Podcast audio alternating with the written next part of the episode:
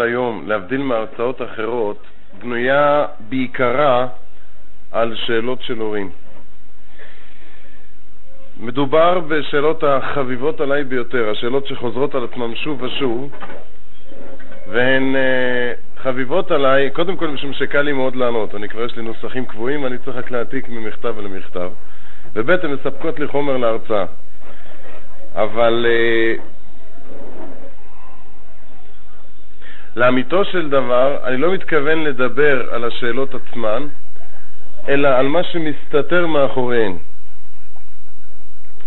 למרבה הפתעתי, התברר לי במשך אה, שנים האחרונות, ממש השנתיים האחרונות, שהורים רבים מאוד מאוד בכלל לא מאמינים, לא מאמינים שאפשר לשנות התנהגות של ילדים. ו... הם לא מצהירים כך במפורש, אף אחד לא כותב uh, מכתב, מבקש תשובה, כשהוא במפורש מצהיר שהוא לא מאמין שהוא יכול לשנות את ההתנהגות של הילד, אבל בין השיטין של המכתבים, מאחורי הדברים, הטענות של ההורים, ההסברים, ההתנהגות ובעיקר הייאוש שאוחז אותם מלנסות מלהביא את הילדים שלהם להתנהג כרצונם, מוכיח שההורים בעצם באמת אינם מצפים באמת שהילדים ישתנו, וממילא דיברנו על זה כבר באחת ההרצאות, שאם אנחנו לא מצפים באמת מהילדים לשנות את ההתנהגות, אז הם באמת לא ישתנו. אני רוצה להביא דוגמה חריפה, קיצונית, לנושא שלנו, ולאחר מכן ניגש לפרטים. יש היום uh, באופנה, חלק ממשבר ההתבגרות, בעיקר אצל בנות, תופעה שנקראת אלורקסיה. נוירוזה. מצב שבו בדרך כלל בנות, גם בנים לפעמים, מרעיבים עצמם, מסרבים לגעת באוכל, לפעמים מגיעים עד אה, סכנה ממש, לפעמים סכנת חיים. שמעתי מאחד המטפלים המנוסים, שמעתי בשמו של אדם שעסק הרבה בטיפול בבעיות האלה, סיפור מאוד מעניין. נערה אחת הגיעה למצב שנאלצו לאשפז אותה, ולהזין אותה באמצעות אינפוזיה, זה מקובל ב... בסוג הטיפול הזה. וצוות שלם טיפל בה, לא הצליחו להביא אותה לטעום מאומה. ניסו, להס... כמו בכל השיטות, להסביר לה, לדבר, לדבר איתה, לדובב אותה, לשאול אותה מה מעיק עליה, מה מציק לה, מה הסיבות, אבל למעשה לאכול היא לא אכלה. יום אחד נכנסה לחדר בו הייתה מאושפזת הילדה הזו, הבחורה הזו, נכנסה המנקה, והיא ראתה שהצלחת של האוכל נשארה כמות שהיא ליד המיטה, ואז היא פנתה אל הילדה והתחילה לצעוק עליה. תתביישי לך, היא אמרה לה, זה פשע לזרוק אוכל. אנשים טרחו והכינו ועכשיו יזרקו את זה, תאכלי את זה מיד. והילדה אכלה. אכלה.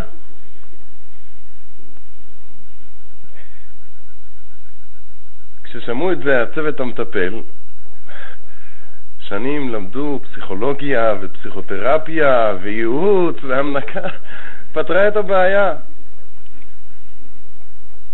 החליטו לראות אולי גם הם יכולים, למרות שהם למדו, אולי גם הם יכולים. ניגשו ארוחה ארוחה אל הילדה ואמרו לה, תאכלי את זה מיד, והיא אכלה. תוך ארבעה ימים יצאה מבית חולים. התברר שכל הזמן דיברו איתה על הבעיות ועל המניעים ועל התסביכים והסבירו לה את התופעה, רק דבר אחד פשוט, להגיד לה לאכול, אף אחד לא אמר. לא אמרו לה, היא לא אכלה.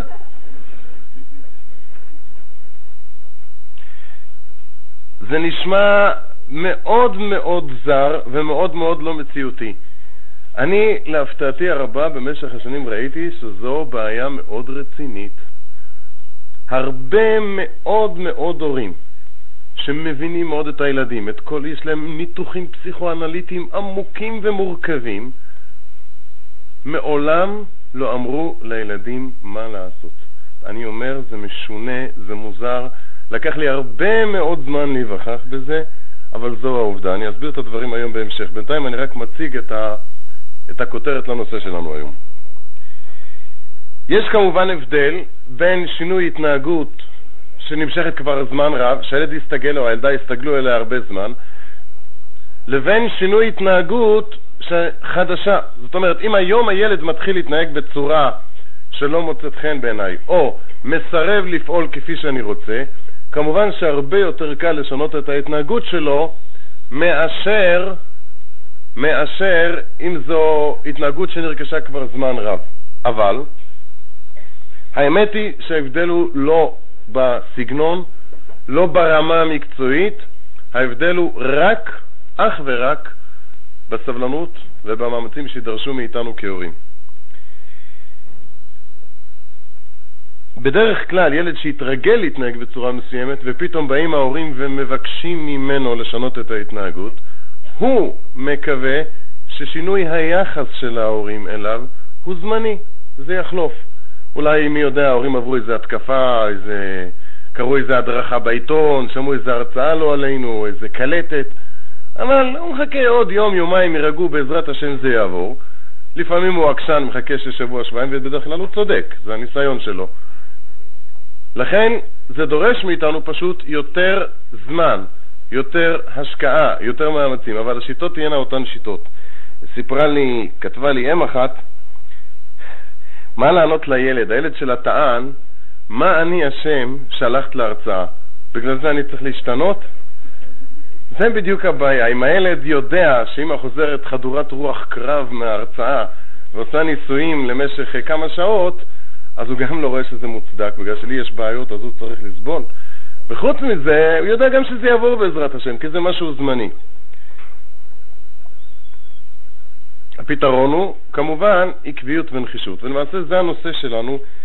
התחלתי לדבר על זה בסוף ההרצאה הקודמת עקב שאלה, ואז uh, כשישבתי על הניירות שלי בבית החלטתי שהנושא uh, הזה יש, הוא מכנה משותף של כל כך הרבה מכתבים וכל כך הרבה פניות וגם uh, אמ, בעיות שכדאי להקדיש לו נושא בפני עצמו. קודם כל, הנקודה הראשונה שהזכרתי בהרצאה הקודמת, אני רק אחזור עליה בקצרה כדי שההרצאה הזאת תהיה בנויה, מושלמת לכשעצמה. הבעיה שאנחנו צריכים ללמוד לדבר עברית. לא אכפת שתדברו ביידיש, כן, אבל לדבר בשפה כזו שהילד יבין אותה. דיברנו על הדוגמה הקלאסית, איך הילדים לא לומדים להבין אותנו, שילדה חוזרת מה... מבית הספר, והיא אומרת לאמא שלה, אם אני רוצה, לא חשוב מה, אבל זה מה שהיא רוצה. היא כבר מראש מתחילה עם המנגינה, כי היא יודעת שעכשיו הולכים לקראת קרב, ואז אמא אומרת, לא, אה, לא, אה, מעלים את הסירנה, מעלים את ה... טוב. זאת אומרת, הילדה הזו הבינה שלא בעברית, בעברית, מה פירוש המילה לא? קצת יותר נדנוד, טונים קצת יותר גבוהים, קצת פרצוף יותר אומלל וקורע לב, ותקבלי את שלך. אחר כך כשאנחנו פעם אחת מתכוונים לא, וזה לא עובד, הילדה הזו לא מבינה עברית. אמרתי לא. ממתי אצלך לא זה לא? מהיום? בעיה ראשונה, קודם כל להתכוון למה שאנחנו אומרים. הזכרתי את הכלל של הרש"ר הירש, אחד מכללי הזהב הבודדים שיש בידינו בנושא חינוך, זה שנגיד מעט מאוד לא, להציב מעט מאוד דרישות, ממש מינימום שבמינימום, ועל אותן דרישות שהצבנו לעמוד בכל תוקף, בכל מחיר. זאת אומרת, שני החלקים של הכלל תלויים אחד בשני. מאותה סיבה שאנחנו חייבים לעמוד בכל תוקף על מה שאמרנו, אנחנו חייבים להמעיט מאוד במה שאנחנו אומרים. אם אנחנו אומרים הרבה לא, אנחנו לא מסוגלים לעמוד בזה. אם התגובה האוטומטית הספונטנית שלנו לכל בקשה היא לא, אנחנו לא יכולים לעמוד בזה. לכן, צריכים, זה סתם יותר בריא להתערב פחות בחיים של הילדים, לתת להם כל מה שאפשר. אני לא מדבר עכשיו על סגנון מתירני, מדבר על בית נורמלי, לאפשר כל מה שאפשר, ומה שאי אפשר, באמת אי אפשר, לאסור. אבל לאסור, לעמוד על האיסור.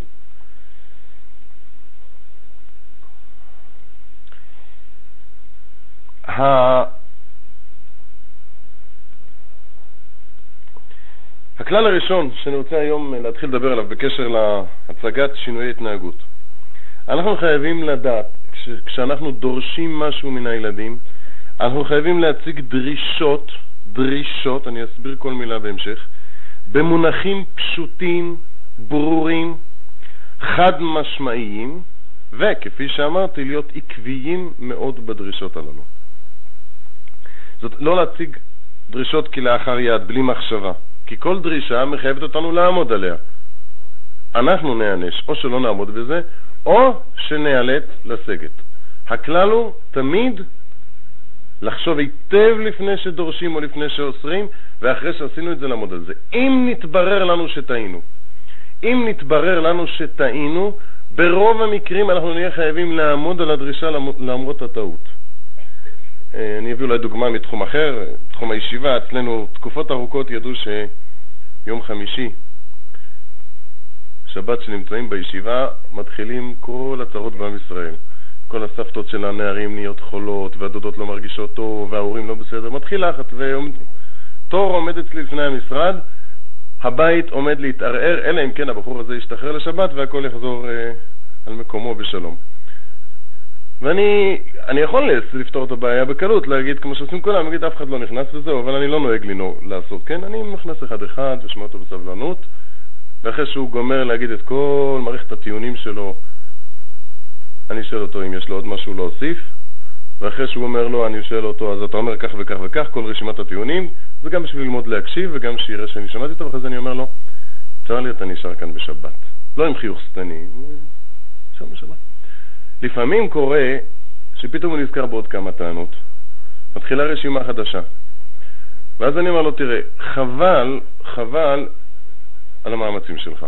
כי אם אמרתי לא, ועכשיו אתה מתחיל לנדנד לי, אסור לי להגיד כן. אם אגיד כן, מעכשיו אתה תדע כל פעם שכדאי לך לנדנד לי. אני פשוט מזמין לעצמי צרות.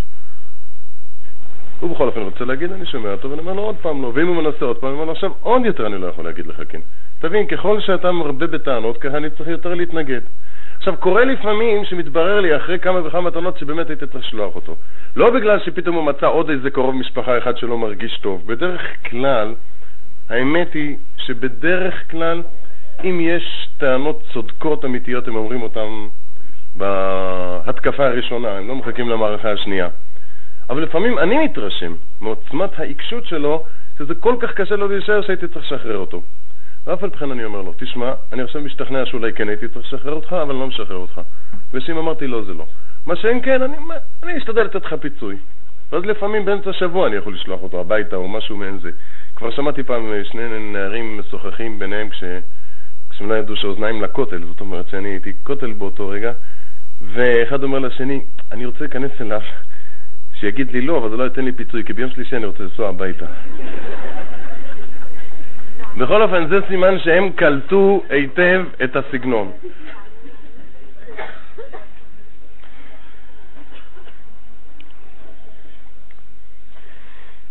מה אני מתכוון כשאני אומר שעלינו להציב דרישות?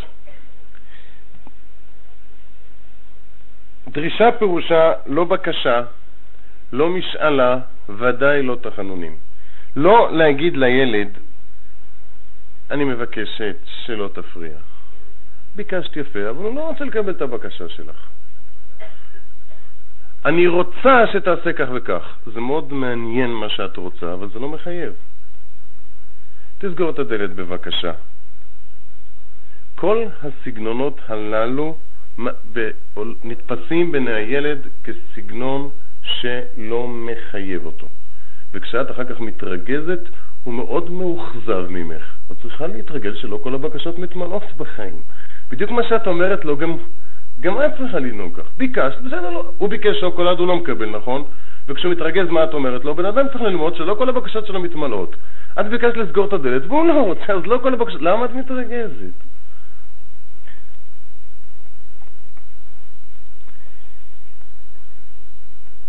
איך מבקשים? כן, ידעתי שזה שלום. קודם כל, הסגנון הזה משדר אצל הילד, אל הילד חוץ מהבעיה. הוא לא קולט את זה בדיוק ככה. אני לא מתכוון להגיד שאם יהיה לנו איזה דרך לפתוח את עולמו הפנימי של הילד ונקבל אה, ניסוחים מילוליים למה שקורה בנפשו, אז באמת כך הוא עונה, כמו שאני אומר. אבל זה נותן לו תחושה לא מחייבת, זה מה שאני מתכוון. וזה גם משדר לו את חוסר הביטחון שלך בזה שהוא צריך לשמוע לך. למעשה רוב המשמעת בנויה, דיברנו על ה... מבחינת הטכניקה בנויה על עקביות, אבל בעצם הציות של החניכים תמיד מושתת על זה שאנחנו באופן טבעי פשוט לנו שהם צריכים לציית לנו. מורה שנכנס לכיתה, מורה שנכנס לכיתה, ובאופן טבעי מצפה שהילדים ישמעו לה, היא משדרת אווירה, והיא מנגשת ככה ו... עכשיו תראו בנות, אני, כל, הם כבר יודעים ש, שהיא לא מצפה שישמעו לה, בין אם עושה את זה בתקיפות, בין אם מנסה להתיידד אליהם. הבעיה כאן כמובן איננה מילים. זה לא משנה בדיוק הנוסח, הבעיה היא הטון, המנגינה. אפשר להגיד לילד, אני מבקש שתסגור את הדלת, ואז הוא מבין שאתה מבקש, ואפשר גם להגיד לו בלי לבקשה, אני מאוד מקפידה על זה שתסגור את הדלת. אני לא מדבר כאן על מילים, למרות שאני כן ממליץ, כן ממליץ, למי שהיא מרגישה שיש לה את הבעיה הזו, שהיא לא משדרת הוראות ברורות, ממליץ לה להקפיד על מילים. כי אצלנו המילים נותנים את המשמעות. זאת אומרת, מבחינת הילד זה באמת לא משנה. מי שיודעת להציג דרישה יכולה לעשות את זה בצורה נימוסית ולהגיד לו בבקשה, הוא מבין שבבקשה זה רק טקס נימוסי. מי שלא יודעת לבקש, אז היא עלולה גם בלי להגיד את המילה בבקשה, וגם אם תגיד את המילים החריפות ביותר, לשדר היסוסים. המטרה היא שהתוכן של הדברים שלי ייקלט, לא הניסוחים המילוליים, אבל מניסיון מועט שיש לי בייעוץ להורים, מתברר שכשהם מאלצים את עצמם להוריד כמה מילים מהלקסיקון ולאמץ לעצמם מושגים חדשים, יותר קל להם לשנות סגנון. זאת אומרת, הורים שעד היום הרגישו שהילדים לא שומעים להם, אם הם יוציאו את המילה בבקשה מהמילון, אולי יש חשש שאנחנו נהיה קצת פחות נחמדים, לא נורא, אפשר לעמוד בנזק הזה. הבעיה, אחת הבעיות שלנו שאנחנו מנסים להיות נחמדים ולא להציב דרישות.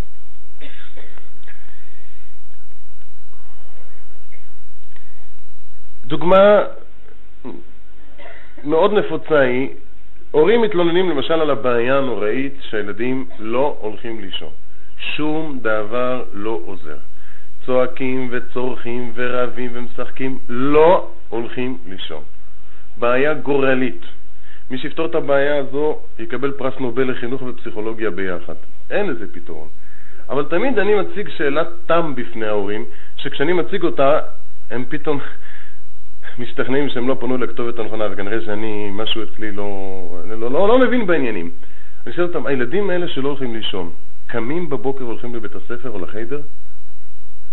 כן. רובם. אני לא, אני ידעתי, אחד, שתיים, אבל רובם. תכף נדבר על אלה שלא. נגיע גם אל אלה שלא. קמים בבוקר, בסוף הם הולכים לבית הספר ברוב הימים, מאחרים או לא מאחרים? ברוב הימים מגיעים בזמן? מגיעים בזמן. למה? זה בגלל שהם כל כך אוהבים את הלימודים והם קמים בקפיצה בחמש בבוקר ומחכים, נו, נו, מתי יגיע כבר השעה? או, או זה גם זה לפעמים הולך אחרי מערכות קרב. אז יש אומרים שזה הולך קרבות וכדומה. למה בסוף זה עובד?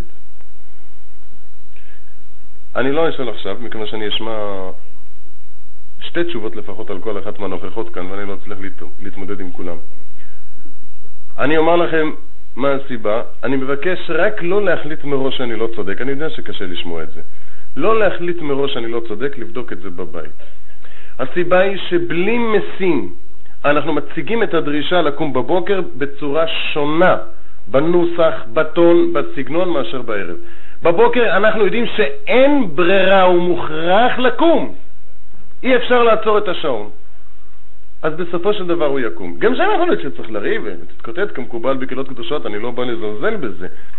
אבל בסופו של דבר, כשהקרב הוכרע לטובת, לטובתנו, אנחנו דואגים לטובתו כמובן, אבל אני מתכוון במערכת הוויכוח הזה, כשהקרב הוכרע והילד הזה יוצא לבית הספר, אנחנו שידרנו לו את הסגנון. דבר ראשון שאני ממליץ לכל ההורים, תקשיבו לעצמכם, תקשיבו לעצמכם, לאו דווקא בדוגמה הזו, בכל אותם דברים שאתם דורשים מהילדים והם כן מקיימים אותם, איך אתם עושים את זה?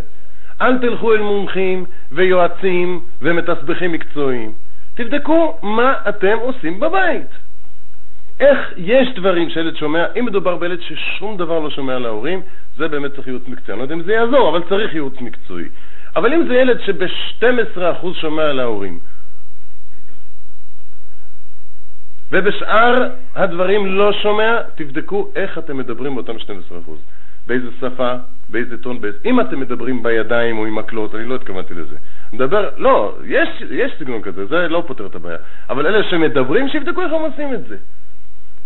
שמעתי פעם, הם, בשנים שעוד אה, היה לי זמן לטיפול אישי, שמעתי אם מציגה דרישה בפני ילד בן 11. זאת אומרת, מה שאני אומרת לו הוא לא עושה. מה שאני אומרת לו הוא לא עושה, בדווקא. הילד יושב לידי ואומר את זה לפניו. לא פלא שהוא לא עושה. ואני אומר לו, את מוכנה להדגים בבקשה? אומרת לי, מה פירוש להדגים? תדגימי בבקשה. מה פירוש? תגידי לו איזה הוראה. תגידי לו לקום מהכיסא. מסתכלת עליי, מסתכלת עליו. אני, אני כבר לא צריך לשאול למה הוא לא שומע. אבל בסוף, אה, טוב, היא אומרת לו, תקום בבקשה מהכיסא. מסתכל עליה, ממשיך בעניינים שלו. אני אומר לה, תגידי לו עוד פעם. אני מבקשת, אני מאוד מבקשת שתקום מהכיסא. הוא באמת לא קם לפניי. היה סיכוי רב שיקום לפניי בגלל שאני נמצא, ואז אה, לא הייתי יכול להוכיח לזה כלום, אבל הוא לא קם.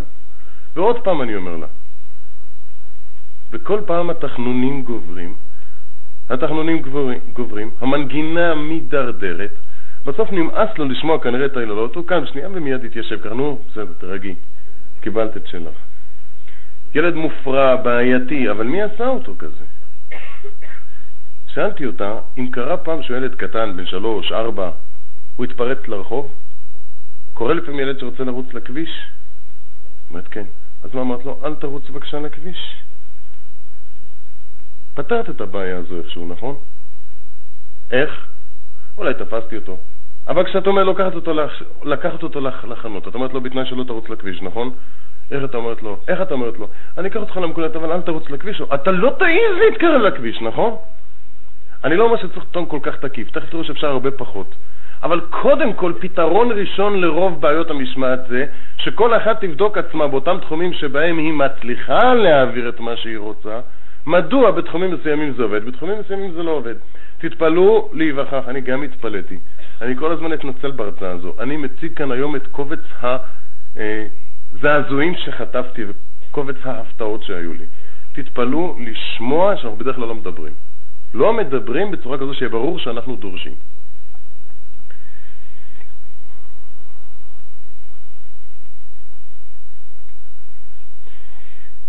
גם כשאנחנו מציבים דרישות עקרוניות, דרישות עקרוניות, תמיד צריך לזכור שאנחנו דורשים.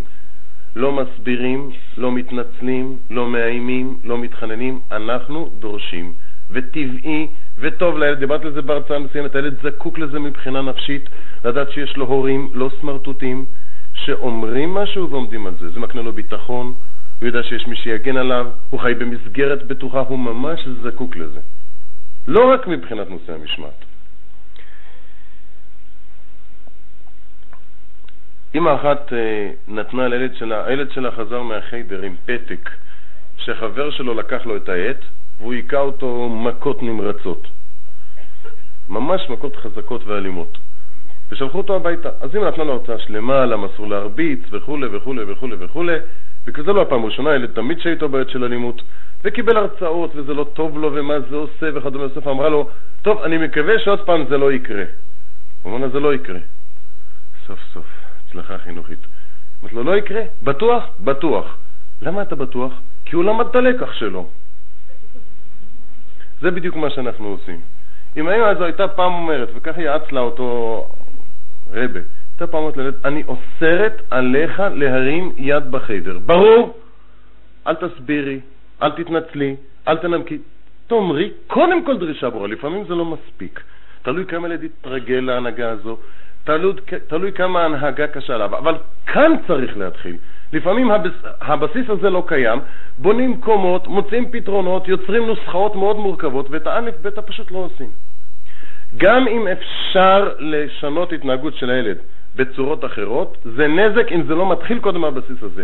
קודם כל, כל מה שאנחנו מבקשים, דורשים או מונעים, אנחנו צריכים להציג דרישה ברורה מאוד, מאוד מאוד ברורה. לא איומים. אם לא תעשה כך וכך, אז כך וכך. זה פסול. פסול לחלוטין. מאוד מקובל, מאוד נפוץ, מאוד לא יעיל. א', בעברית, אם תעשה כך וכך, אני אעשה כך וכך, פירושו, יש לך אלטרנטיבה, יש לך בחירה. אם אתה מוכן לקבל שתי סטירות, נניח שזה המחירון בבית, ל... אני יודע מה, ל... אם הוא מרביץ לאחותו, אז שווה לו. הוא ירביץ לה, בטח לא נותן לה 12, הוא יקבל 2, משתלם. זה נשמע שאני מדבר דברים מוזרים היום, אבל תאמינו לי, אני אומר אמת.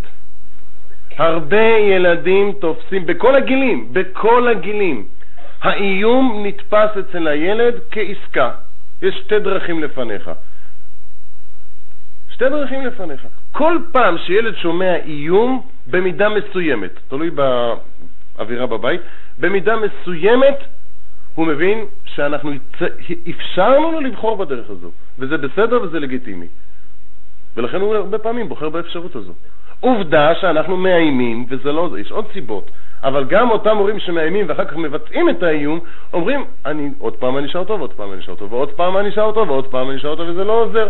מה פה זה לא עוזר? זה עוזר, זה העסקה ביניכם. זה היה הסיכום. כשאנחנו מציבים דרישה, לא מאיימים.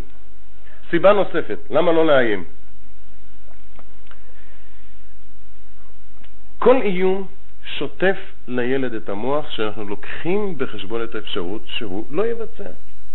זה משמעותו של האיום, בשביל מה צריכה את האיום? אם אני אומר לילד שלי, בוא הנה, הוא מבין שברור לי שהוא יבוא. אם אני אומר לו, אם לא תבוא הנה, תבוא הנה, ואם לא תבוא הנה, אז כך וכך. מה אני אומר לו? אמרתי לך לבוא הנה, אבל אני יודע, אני מצפה ממך שאתה יכול לא לבוא הנה. זה מאוד מסתבר בבית שלנו שלא ישמעו בקולי. אנחנו בסגנון של איומים. תיקחו ילד קטן שעוד לא למד להתמרד, עוד לא הגיע לשלב הזה שפסיכולוגים לימדו אותו צריך להתמרד, תיקחו אותו, תתחילו לדבר איתו רק באמצעות איומים, מובטח לכם שיהפך לילד מרדן. כי זה מה ש... לא, זה לא המלל הגלוי, אבל זה המלל הסמוי, זה המסר הסמוי הברור ביותר. אם אתה לא עושה את זה ואת זה, אז אני כך וכך, חוץ ממה שאמרנו מקודם, שהוא מבין שיש לו שתי אפשרויות, בעצם זה מה ששוטפים לו את המוח. המשמעת הטבעית בנויה על זה שבאופן טבעי צריך לשמוע להורים. ככה זה באופן טבעי. מי שמתארת לעצמה איזה, אני יודע מה, מנהל בבית ספר. הוא אומר למורה, תיכנס בבקשה לכיתה. תראה, אם לא תיכנס לכישה, לכיתה, אני אוריד לך חצי שעה עבודה. לא מדברים כך בין בני אדם, יש מערכות, יש היררכיה בכל החברה, ככה הקדוש ברוך הוא ברא את העולם. יש היררכיה, וכל מי שנמצא מעל השני, לא מבחינה רוחנית, אישית, מבחינת התפקיד, הוא מעביר הוראות למטה, והוא מצפה שיקיימו אותן. וכך בנויה המשמעת אצל הילדים. הטבעיות, התפיסה הטבעית והפשוטה שלנו שהם צריכים לשמוע לנו, ככה הם מבינים. ואם אנחנו כל הזמן נאיים, הם מבינים שאנחנו מצפים שהם לא צריכים לשמוע. מלבד מה שהאיומים משדרים תמיד מסר של חוסר ביטחון, זאת אומרת, חוץ מהנקודה שהם משדרים את המסר הזה של אני מצפה שלא תשמע לי, הם משדרים גם אני לא כל כך בטוחה בעצמי. ומלבד מה שאנחנו לא מבצעים את רוב האיומים. רוב האיומים לא מתבצעים. ואז הנזק כפול ומכופל. אז בכלל, כשעומד בפניו אלטרנטיבה, אלטרנטיבה פשוטה של אני יכול להתנהג כך, ואז אולי יש סיכוי שאני אענש כמו שהבטיחו, לרוב, לרוב, אני אומר לרוב, זה לא ככה. אז יש יותר סיכוי שיבחר באלטרנטיבה שנייה. יותר סיכוי. ככל שהורים יותר מתרגלים לאיים, והילדים פחות שומעים, והם יותר אכפת להם שיתנהגו כראוי, אז הם, מה הם עושים? מחריפים את האיומים. ככל שהם מחריפים את האיומים, פחות סיכוי שהם יבוצעו. נכון? זה פשוט, אני אומר אחד ועוד אחד זה אני רק חוזר על דברים פשוטים. אם למה אנחנו מאיימים? כי יש לנו חשש שילד לא יבצע. אנחנו רוצים שיבצע ולא ייענש. לכן יש לנו נטייה שקשה מאוד לרסן אותה להחריף את האיום. אם לא תעשה ככה וככה, אני לא יודעת מה אני אעשה לך. גם הוא לא יודע, אבל כנראה לא תעשי לו כלום. כנראה לא תעשי לו כלום. כבר יש, אני לא רוצה לצטט כאן נוסחים של איומים, אבל אולי לא בדיוק בחוגים האלה, אבל יש למשל הורים שמבטיחים, היה לי פעם אבא אחד שאמר אם לא תאכל את זה, אני אקרא למשטרה. זה היה עוד לפני הימים האחרונים, עוד לא, גם אז זה היה מפחיד כבר. שאלתי את האבא, קראת למשטרה? אמרו לי, מה אתה חושב, אני? אמרתי לו, אני לא יודע, אבל הילד שלך צריך לחשוב. אז למה אתה מאיים? אם לא תעשה את זה, אני אקרא למשטרה. אם הוא טיפש כזה שחושב שתקרא למשטרה, זה נזק מספיק חמור. לרוב, ברוך השם, הוא מספיק אינטליגנטי, ויודע, נו, נו, נו, תקרא למשטרה. אנחנו נאלצים לעשות את זה. אף אחד מאיתנו באופן שקול לא יחליט, יבקשו ממנו, ישלחו מכתב. חברה תשלח לחבר שלה, מה את מייעצת? מה לאיים על הילדה שלי שלא אוכלת ארוחת צהריים, שאני אקרא למשטרה? אף אחד לא תעשה את זה. אבל היא בעצמה, כשהיא תילחץ ותרצה להציג דרישה, היא בהחלט תגיד שטויות כאלה ועוד יותר גרועות מאלה. אנחנו צריכים להתרגל לא להשתמש באיומים. בכלל, האיומים אין להם שום תועלת חינוכית בשום תחום, לא רק בעניין של הצבת דרישות. שום תועלת אין באיומים. את חושבת שצריך להעניש? תרשמי לעצמך בכספת רשימת העונשים האפשריים, כל מכשירי ה... לא אגיד העינויים, אבל מכשירי הטיפול, ותשתמשי בהם בהתאם לצרכים, כפי שאת חושבת שזה טוב. בשביל מה לאיים? שוב, האיום משדר לו מסר של שתי אפשרויות, כשאנחנו רוצים שתהיה לו רק אפשרות אחת. האיום מציג בפניו ברור שאנחנו לוקחים בחשבון שהוא לא ישמע לנו, שוטפים לו את המוח בתפיסה של חוסר משמעת אפשרית. האיום גם לרוב לא, מאפשר, לא מתבצע, לא מאפשר לנו לבצע אותו ומשדר חוסר ביטחון. כל כך הרבה מחלות, חולאים רעים יש באיום, עד היום לא מצאתי שום תועלת. שום תועלת, חוץ ממה שנותן לנו אשליה שהאיום עזר.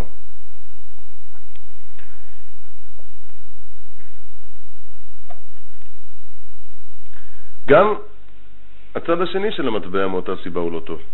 אם תעשה כך וכך, ניתן לך פרס כך וכך. אפשר להשתמש בזה בתחומים שבהם מתאים פרס, כשאתה רוצה לקדם, כשאתה רוצה לאפשר לילד לפרוץ את הרמה הנוכחית שלו, אבל לא במסגרת של המשמעת. אם תהיה לטוב ותסדר את החדר, נקנה לך פרס. אולי לא שווה לו הפרס בשביל לסדר את החדר. זה גם אלטרנטיבה. חוץ מזה, אותן בעיות שאמרנו מקודם. אם אתה משלם לי על זה שאני בסדר, אז יש בינינו הסכם עבודה. עכשיו התפטרתי, מה אתה מתעצבן? מה קרה? הבטחת לי ביס נעים, אני אתן ביס לא באוכל הזה. אני לא רוצה, אין עבודה, התפטרתי, מה יש? איזה טענות מוסריות יש להורים נגדי? אפשר להשתמש בפרסים, אף פעם לא בנוסח של. הנוסח האמיתי הוא כאשר.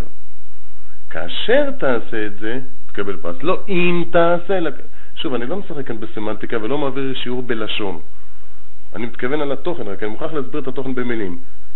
המסר, אפשר גם להשתמש, אפשר להגיד מסרים הפוכים כשהמנגינה אה, נאמרת נכון.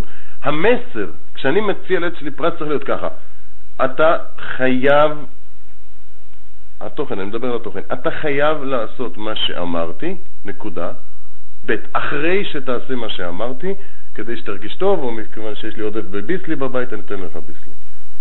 לא יודע למה. אני מותר לי לתת לו, להקל עליו את הניסיון, להקל עליו את ההתמודדות. מותר לי להשתמש בפרסים. השאלה היא מה המסר שלהם. המסר שלהם שיש כאן משכורת, שכיר, פועל, כל יום שמסדר את החדר מקבל נקודה, בסוף השבוע שבע נקודות, שווה חמש שקל, זה שכר העבודה שלו. ש... האם המסר הוא שזה שוחד?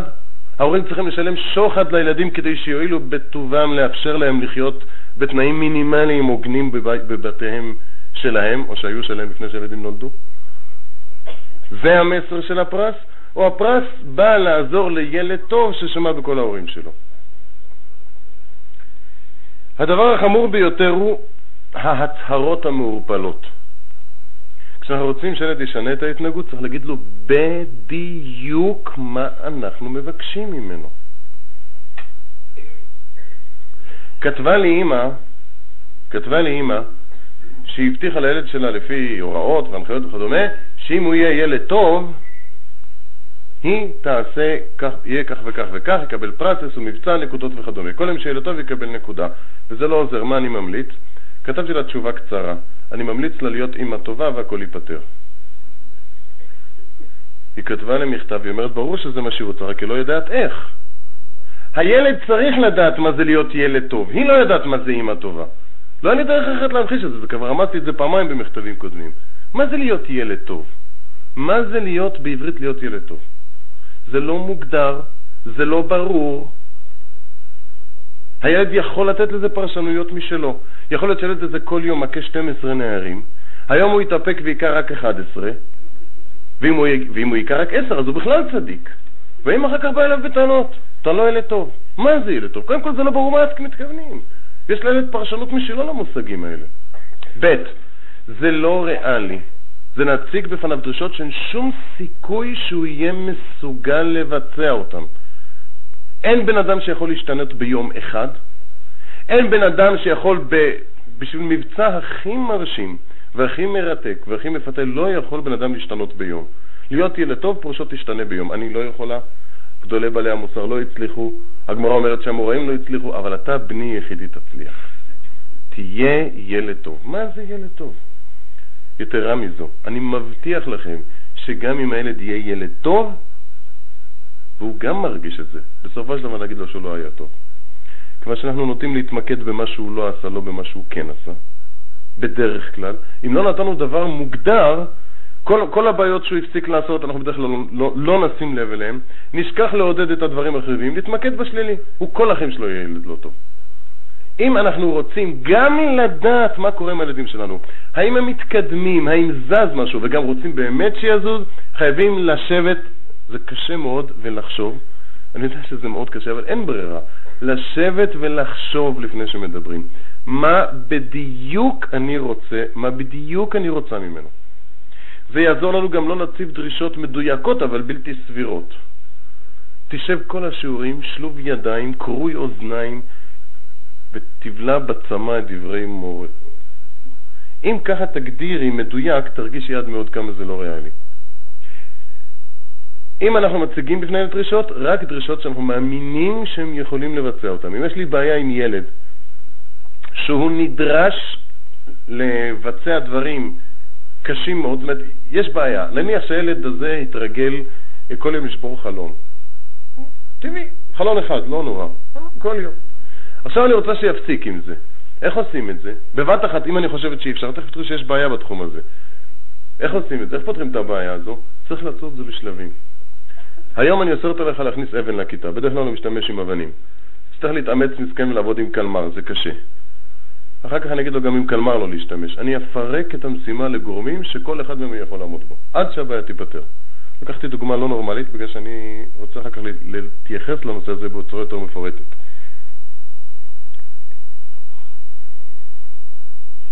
גם משפט כמו תשתדל להיות טוב הוא מאוד מעורפל. מה זה תשתדל להיות טוב? אני לא מבקשת ממך להצליח רק להשתדל. בדרך כלל ההורים עם הרקע הפסיכולוגי הרחב למדו שאנחנו רוצים מהילד רק את המאמץ, לא את ההצלחה. זה נכון אצלנו, אבל להגיד לילד, בעיקר לא בתחום המשמעת, תשתדל, נניח לא תשתדל להיות טוב, ניקח כבר, ההורים הבינו ואנחנו מדברים על משהו מסוים, תשתדל לעשות שיעורי בית. הוא ישתדל, הוא ירים את הילקוט, ישים אותו על השולחן, ויפתח, ויוציא את המחברת וילך לקרוא ספר. הוא ישתדל. הוא ישתדל או לא ישתדל?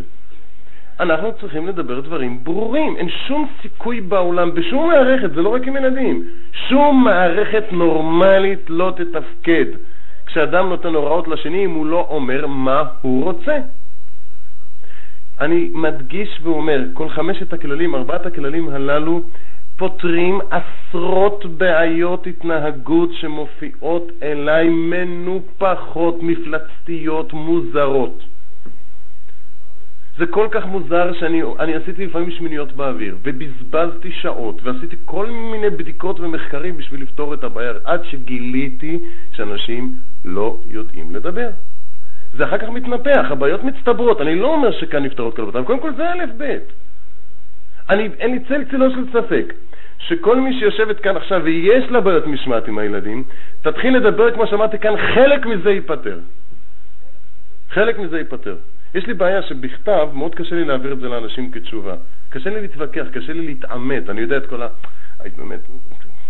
בשביל ההרצאה זה טוב. אני מדבר היום על דברים מאוד מאוד מעשיים ועל בעיות מאוד מאוד קיימות. אני רוצה לספר עוד דוגמה משונה. קיבלתי מכתב שמתמצת את כל השיטות בטיפול בהרטבה אצל ילדים גדולים שמוכרים היום בארץ. ההורים כותבים, נתנו לו, אה, לא בתור עונש, אלא בתור מסקנה טבעית, כל פעם שהוא קם רטוב, לכבס את הבגדים, לטפל לבד. אה, מנענו ממנו שתייה בשעה שש בערב, יש מחלוקת בין השיטות שש, שש וחצי, שבע, אבל פחות או יותר זה מקובל. פעמונית, פרסי עידוד, גם, גם טיפלו בכדורים, זה כן עזר, אבל הבעיה בכדורים שבכל אופן בשיטות שמטפלים בארץ זה תמיד חוזר אחרי שמפסיקים עם הכדורים, ושום דבר לא עזר. כו... האמת היא, מה שהייתי אומר להם לפני חמש שנים, שנעשו את כל השיטות יחד, באמת. והייתי אומר להם להשתמש בכדורים, למה אתה אומר להדריך היא שיטה אמריקאית, להשתמש בכדורים, זה לא כל כך בריא, אבל זה יותר טוב מאשר להשאיר את הבעיה כמו שהיא. אבל אותו, אותם מורים שכתבו לי את זה, במקרה היה לי קשר איתם כבר קודם, וכבר הכרתי את הבעיה. אמרתי להם שאני אטפל בבעיה, אני, שיביאו לי את הילד. בא ילד אליי, נצתי בו זוג עיניים, כמה שאני מתחיל ככה עוד הבחנתי אותו, אבל לא, לא בצורה, לא גרמתי לו טראומה, ואמרתי לו, ההורים שלך מתלוננים שאתה מרטיב, זה נכון? כן. מהיום אתה מפסיק להרטיב. היום בלילה, היום בלילה אתה לא מרטיב, מחר אתה קם יבש. ברור? כן. אתה תעשה את זה? כן. לא תשתדל. והוא קם יבש. לא הייתי מספר את זה בציבור אם זה לא היה ככה. התקשרתי אליו למחרת, אמרתי לו, אני שמח שמילאת את ההוראה שלי, אני לא אבא שלו ולא דוד שלו ולא כלום, רק יודע שאני כזה איש מפחיד שההורים שולחים מכתבים ואחרי זה עושים לו צרות, אבל חוץ מזה הוא לא יודע עליי כלום. התקשרתי אליו הביתה, אמרתי לו, גם היום אני רוצה שלא תרטיב. אני דורש שתקום יבש. ברור? כן. יהיה בסדר? אפשר לסמוך עליך? בסדר, אפשר. קם יבש. שבוע ימים התקשרתי לו יום אחרי יום. יום אחרי יום. אני לא מספר אגדות, אני חושב שבעלת הסיפור נמצאת כאן באולם. זה סיפור, ילד בן 11, כבר חמש שנים מטופל בהרטבות. ההורים אף פעם, האמא הזו ביקשה ממני לדבר על הרצאה ואני שמעתי לדבר על זה בהרצאה ואני שמעתי בקולה. אף פעם לא אמרו לו, ברור, תפסיק להרטיב. ביום הראשון שהוא הרטיב קרתה תאונה. אני חושב לפי הסיפור שהיה לו קר. גם זה סיבה, כן, זה שכחו. בשיטות טיפול שכחו להגיד שילדים בחורף צריכים להיות חמים. אני גיליתי לבד, ברוב חוכמתי, צר לי שזה לא כל כך חוכמה, הייתי רוצה, שבתקופות החורף מגיעים אליי יותר תלונות על הרטבה. מעניין. אני מאמין שהילד הזה הרטיב בגלל שהיה לו קר. וכיוון שהוא הרטיב כן, אולי בגלל הגשם, גם יכול להיות. אנחנו לא ניכנס לפרטים המדויקים, העיקר שיש סיבות. ואחרי שהוא הרטיב, זוג ההורים האלה, אני אדבר עוד בהמשך על הבעיה הזו, ניגשו אל הילד בזהירות, בעדינות, הושיבו אותו גם האבא וגם האימא, הוא לא יודע מה קרה, אבל משהו קרה. משהו קרה. ושואלים אותו, אתה יודע שקרתה תאונה היום בלילה? קרתה תאונה פירושו, אתה לא יכול לשלוט בזה, אתה לא אשם, זה קרה, נכון? זה המסר הראשוני. הוא לא יודע איזה תאונה, איפה? אומרים לו, אצלך, אה, כן. עד שהם מצליחים להסביר לו מה קרה, ומתחילים לשאול אותו, מה מעיק עליך? מסכן, שום דבר לא מעיק. אבל הוא לא יכול לאכזב את ההורים, הוא מתחיל לחפש מה מעיק עליו, מה מעיק עליו, מה מעיק עליו. בסוף הוא שואל, מה זה מעיק? אני מאוד קיצוני, תאמינו לי שככה זה עובד בהרבה בתים. ואחרי שבוע, שבועיים, חודש, חודשיים טיפולים פסיכולוגיים שטפו לו את המוח, שיש לו איזה בעיה נפשית עמוקה, מועקה, שגורמת לו להרטיב. מעכשיו באים טיפולים, והטיפולים לא מסבירים לו שזה צריך להפסיק. שיעשו טיפולים, עושים טיפולים, נו, מה זה קשור? אני מודיע, אני מספר עובדות. אני לא אומר שמעכשיו פתרנו את כל בעיות ההרטבה הלוואי, לא זה אני מתכוון. אני מתכוון להגיד שזה תמיד הבסיס לכל בעיה. כל בעיה, גם בכל שלב שהיא, צריך לגשת לילד ולהציג בפניו דרישה ברורה, ודרישה מלאת ביטחון. בלי להסתבך במונחים מרשימים. השליטה בלילה, התפקוד שלנו נמצא באופן מוחלט תחת הפיקוד של תת-ההכרה. כשאני משדר לילד, אתה יכול להפסיק ותפסיק, יש סיכוי שיעשה את זה. סיכוי רב, אם אין לו בעיות אמיתיות. כשאני משדר לו, יש לך בעיה, יש לך מועקה, יש לו שדר שהוא לא יכול לשלוט בזה. זה דבר מאוד פשוט. אפשר לעשות הרבה ניסיונות על זה. אפשר לעשות הרבה ניסיונות על זה. גם הורים שלמשל יש להם ילדים שחולמים חלומות מפחידים. כל ילד חולם כמות מסוימת של חלומות מפחידים. אבל בצרפת בדקו שהורים, שכל פעם שילד חולם חלום מפחיד עושים דיסקסיון. אתם יודעים מה זה דיסקסיון? ככה מקובל בצרפת, יושבים כל המשפחה ודנים בחלומות המפחידים. ומסבירים לו איך זה קרה, ולמה זה קרה, וכנראה איך זה גם יקרה. כמות החלומות גדלה והולכת.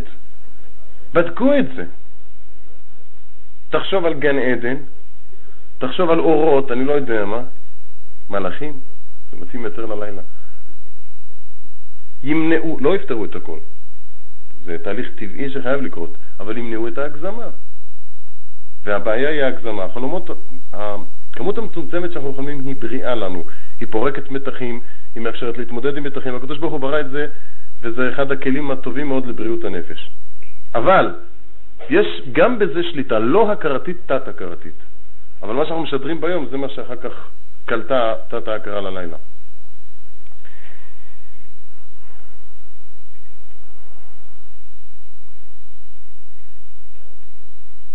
בעיה שנייה, כשאנחנו כבר מציגים דרישות בפני הילדים ואנחנו רוצים להיות אבא, אבא נחמד, אז אנחנו, לא די לנו שאנחנו מטילים עליהם חובות התנהגות מסוימת, גם רוצים שיעשו את זה בשמחה. אני רוצה שתעשרי לי בשמחה. האמא מתלוננת על הילדה שלה, היא מוכנה לעזור, אבל היא לא עושה את זה בשמחה. ושואלת האמא, את עושה את עבודות הבית בשמחה? אז למה הילדה צריכה? כי היא לא עוזרת לילדה, והילדה עוזרת לה, למה? האמת היא, האמת היא שיש לנו אינטרס חינוכי, אה, אם היה אפשר, שהילדים ימלאו את המוטל עליהם בשמחה. אבל זה לא ייעשה באמצעות דיבורים, לא באמצעות מלל, לא בשלב ההפעלה, וזה רק ירחיק את הסיכוי שכך יקרה. כמה פעמים הזכרנו, אנחנו חייבים לתחום בראש שלנו תחום מאוד ברור, גבולות מאוד ברורים בין הפעלה וחינוך. כל חינוך מתחיל עם הפעלה. הפעלה זה כשאני גורם לחניך להתנהג כפי שאני רוצה, או להימנע מהתנהגות שאני לא רוצה בה. זה הפעלה. זה יכול לבוא באמצעות פרסים, לפעמים נדירות מאוד באמצעות עונשים, איומים, בדרך כלל באווירת משמעת בריאה. נתתי הוראה והיא מתבצעת. זו הצורה הנורמלית והבריאה. בשלב הזה כל ילד נורמלי ובריא בנפשו מתמרד קצת, מתמרמר קצת. גם, אני, גם, גם הילדות שלכם, הצדיקות והטובות והנשמה, יש איזושהי רמה של התמרדות והתמרמרות. אדם שאין לו את זה, הוא פגום בנפשו. הקדוש ברוך הוא ברא את הכוח הזה של המרידה, יש בו שימושים הרבה לעבודת השם, צריכים עוד לווסת אותו. בשלב הזה יש התמרדות. לאחר שהילדה הכניעה את ההתמרדות, אז בשלב החינוך, באמצעות התניה חיובית, באמצעות עידוד, בטכניקות שכבר דיברנו עליהן בהרצאות הראשונות, כך אנחנו מאפשרים לילדה או לילד להפנים פנימה את התכנים הרוחניים שיש בחינוך הזה, ואולי יש סיכוי שיעשו את זה בשמחה. רצוי מאוד להציג דוגמה אישית, אבל לא ניכנס לנכונות, זה לא הנושא שלנו כרגע. אין שום דרך בעולם, שום דרך בעולם לא הייתה ולא תהיה לשלוט ברגשות של אחרים. נפש האדם היא בת חורין, היא בת על מוות, היא חצובה מתחת כיסא הכבוד. הקדוש ברוך הוא לא נתן את הילדים לשליטתנו. הם לא שלנו. אנחנו יותר שלהם ממה שהם שלנו. הם פיקדון בידינו, זה לא סתם מילים. אנחנו מחויבים לעזור להם להרבות כבוד שמיים בעולם, לגדל אותם בריאים, לאפשר להם להיות מאושרים ומוצלחים, הכל נכון, אבל הם לא שלנו, אנחנו לא מתפעלים אותם לפי השגיונות או הנוחיות שלנו, ואנחנו לא שולטים בהם. ואסור לנו לנסות לעשות את זה, אנחנו נהרוס אותם. אין שום דרך בעולם אני מדגיש את זה חזור והדגש, לא תהיה לשלוט בהרגשות או לתת הוראות. אני רוצה שתעשי את זה בשמחה. זה נזק, לא רק שזה חסר תועלת, לא רק שזה מצמצם את הסיכוי שתשמע לנו, כי כמה שאנחנו נציב בפני הילדים יותר דרישות בלתי סבירות שהם לא מסוגלים לקיים, או שאנחנו לא יכולים לעמוד על זה שיקיימו, ככה משמעת מתרופפת. פשוט לפני ולא תיתן מחשוב. כבר הזכרתי שוב, אני מזכיר את הרש"ר הירש, אם אנחנו מצווים 100 דרישות, אנחנו, והיל, לא רק אנחנו, הילדה לא, או הילד לא מסוגלים לעמוד בהן, אז הם מתרגלים לא לשמוע בקולנו, שוב נפגעת המשמעת. הוראות בענייני רגשות פסולות לחלוטין. אל תגידי לילדה אם לשמוח. יש לי בעיה, הילדה שלי מקנאת באחותה.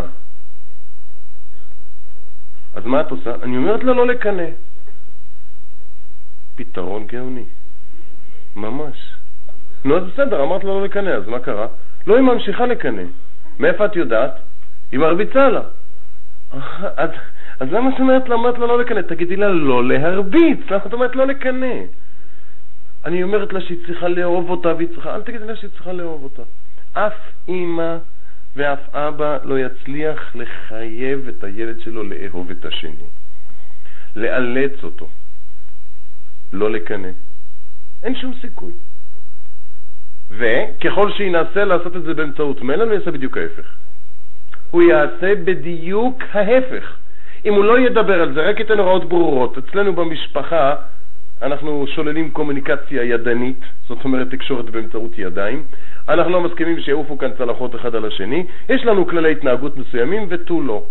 אם לא, האהבה בין בני הבית צריכה להיות טבעית ולהתעורר מאליה, ובבית נורמלי, ברוך השם, היא מתעוררת מאליה.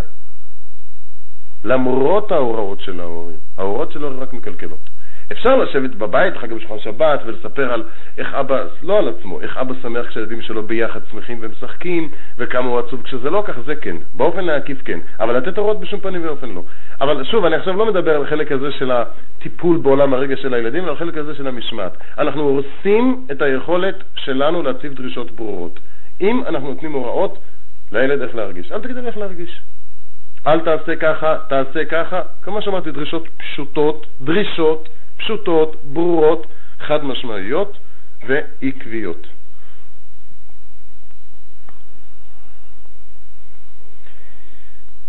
עוד בעיה אחת אחרונה, לא, יש לי עוד שכחתי, יש עוד כמה. הבעיה של השכנוע. כיוון שאנחנו לא רוצים להיות כאלה, עכשיו בעצם אני מציג דמות שמאוד לא מקובלת בעולם הפלורליסטי והדמוקרטי. מה זה הורים אומרים לילד מה לעשות? יפה. לא להגיד לו מה לעשות, להסביר לו, אני רק רוצה את טובתך, זה למענך, תראה, אם לא תלמד אז זה לא יקרה כך וכך, מי שלא לומד לא מצליח בחיים. שיטת השכנועים, גם היא לצערי שגויה ביותר. גם היא פוגעת בדרישה. דרישה זה לא, אמרנו, לא איומים, לא פרסים, לא שכנועים. החוק הזה החוק הזה של נעשה ונשמע הוא כל כך יסודי, ומשום מה כל כך מוזנח, שזה ממש, אני יודע, זה, זה מודרני מאוד, זה תוצאה של הדמוקרטיה בחינוך. אנחנו נקרעים בין האינטואיציה הטבעית שלנו, בין הצורה שבה אנחנו רוצים שהבית יתנהל, לבין מה ששטפו לנו את המוח בלי שאנחנו מודעים, ואנחנו מוצאים פתרונות מאוד מאוד מאולצים. יש חוק של נעשה ונשמע. החוק הזה, מבחינת החינוך, מלמד שאף פעם אין להקדים את הנשמע לנעשה. קודם תבצע ואחר כך תשמע. אסור בשום פנים ואופן להתנות את הביצוע בהבנה. אסור לאפשר לילד את האשליה הזו שאם הוא מבין, הוא חייב לקיים. אם הוא לא מבין, הוא לא חייב לקיים. את האשליה הזו יוצרים קודם כל אם מקפידים להסביר כל דבר, או מקפידים להסביר לפני שהוא ביצע, או מקפידים להסביר כל פעם שהוא דורש הסברים. אנחנו לא, קודם כל, זה בלתי מציאותי. אנחנו לא יכולים להסביר את הכל. לא יכולים.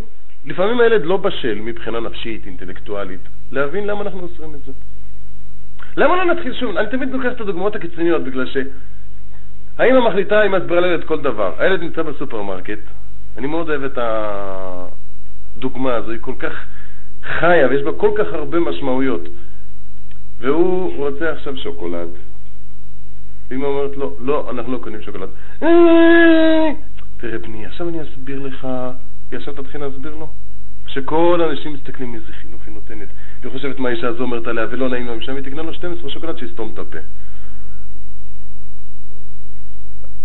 העיתוי לא תמיד מאפשר להסביר. או דיברנו קודם על הילד שרץ לכביש. ילדי, אני אסביר לך.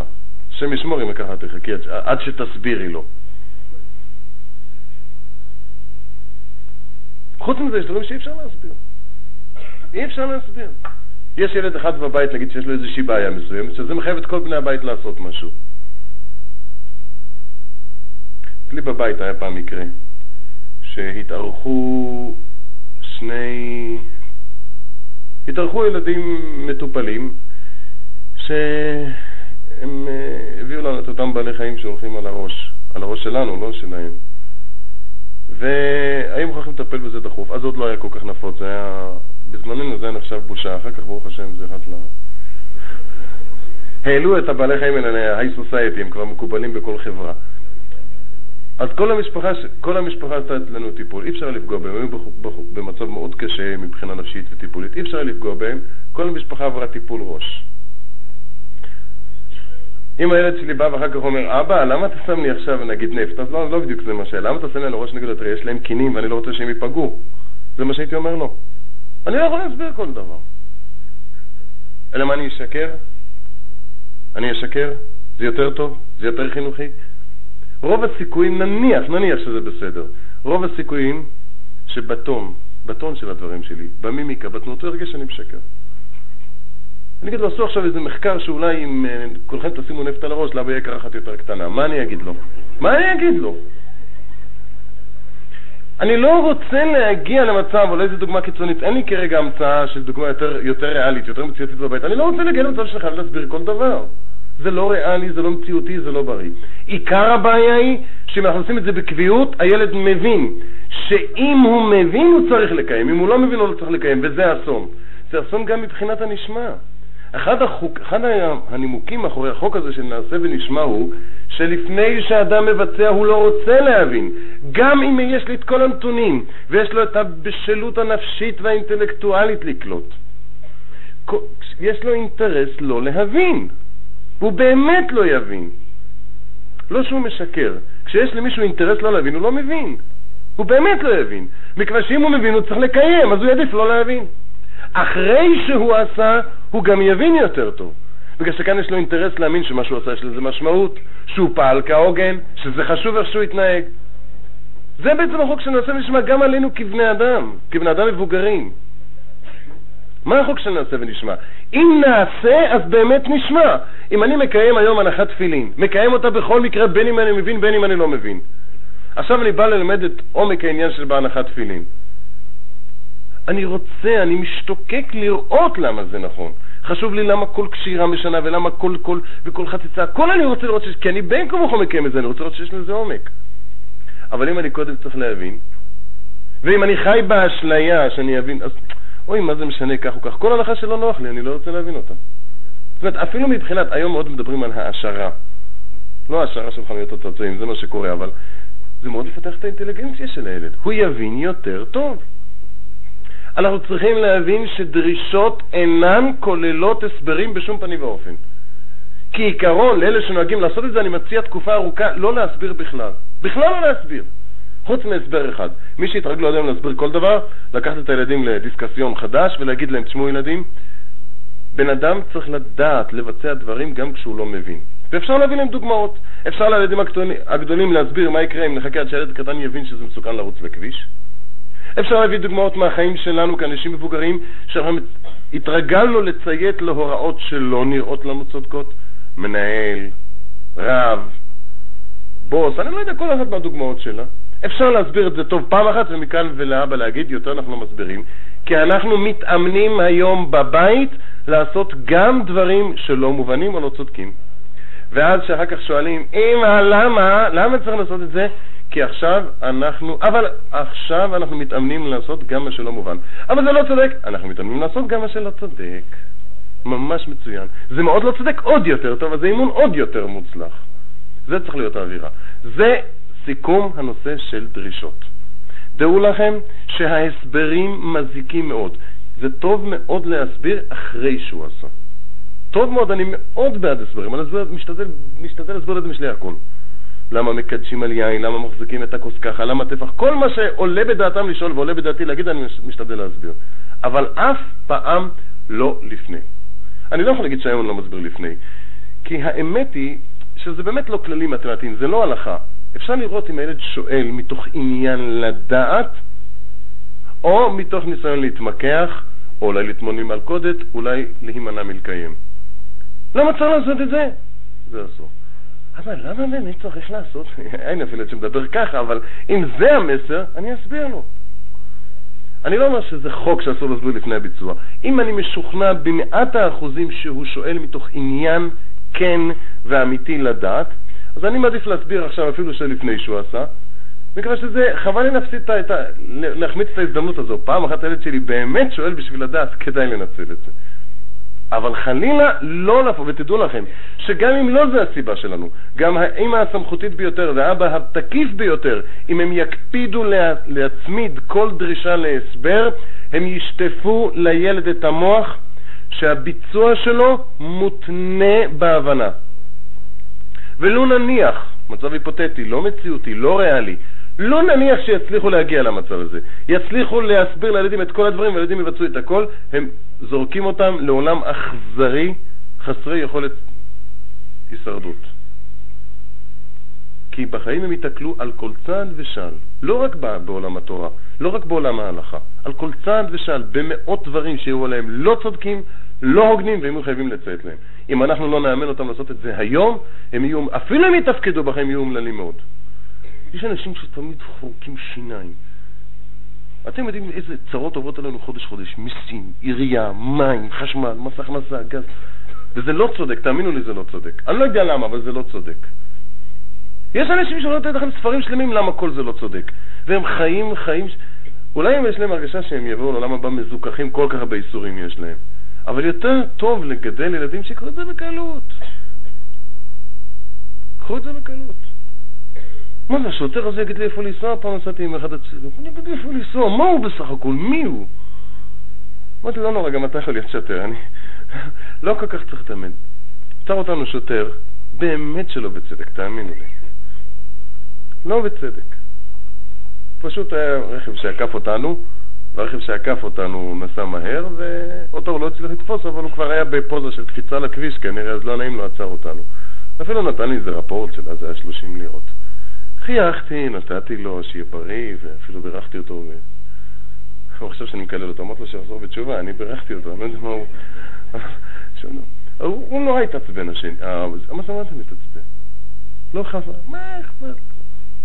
זה, זה לא עניין של איזה, איזה פילוסוף עמוק, ש, ש, זה פשוט עניין של סגנון חיים. אם אנחנו מרגילים את הילדים היום, גם למען אושרם, היום, לחיות בשלווה ובקלות ובנעימות עם זה שלא הכל מובן וגם לא הכל צודק, אנחנו מחזקים אותם לחיים. אני רוצה להגיד לכם משהו. אצלי, ב... אני אמנם, זה לא דוגמה, אני, אני עצמי לא נורמלי, אבל החומר שאמרתי, שעבדתי איתו ודאי לא נורמלי, אני הייתי עושה את זה בקבוע.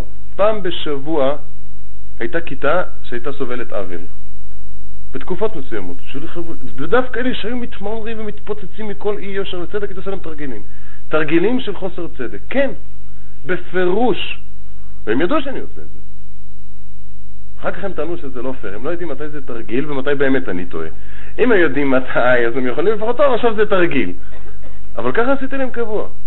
וזה ממש עזר להם, בעיקר חבר'ה שבאו מחברות כאלה ש... מה שקוראים היום נוער שוליים. היה להם בעיה עם זה, והייתי, וככל שמישהו יותר בעיה עם זה, אני אקפיד על זה עוד יותר. אני אעשה לו דברים לא צודקים, ואני אטעה ואאלץ אותו להתכופף לטעות שלי. לא למעני, למענו, למען העתיד שלי. הבעיה האחרונה שיש לנו, אני חוזר, אולי כבר שכחתם, אני לא נפגע עם מי שהיא צריכה ללכת והולכת באמצע. אם הייתי יכול ללכת, הייתי הולך בעצמי. אני לא נפגע.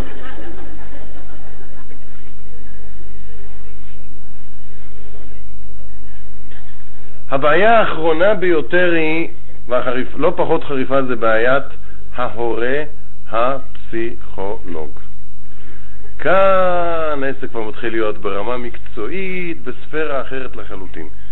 אחד הנערים פעם התלוצץ ואמר, אמא שלי יודעת תמיד מה שלומי יותר טוב ממני. ומעניין, אומר, גם אמא שלה ככה. זאת אומרת, הסבתא. הוא אומר, אני חושב שכשאימא שלי ואימא שלה נפגשות, אז הן אומרות אחת לשנייה, שלומך טוב, מה שלומי? היא תמיד יודעת מה אני מרגיש, מה אני חושב, למה עשיתי, איך עשיתי. טוב, זה בינתיים התמונה שלנו, אני לא אכנס עכשיו לנושא הזה. אני רוצה להגיד בנושא שלנו של המשמעת. הילד בא הביתה, תופס את התיק, מעיף אותו על השולחן, בעיטה בדלת, מה יש לאכול היום? מקובל, כן? מנהג ישראל אמרתי. מה מעיק עליך היום? מי הרגיז אותך? אולי הרבי עשה משהו? אנחנו צריכים לנתח את המניעים ואת הדחפים שלו להתנהג ככה.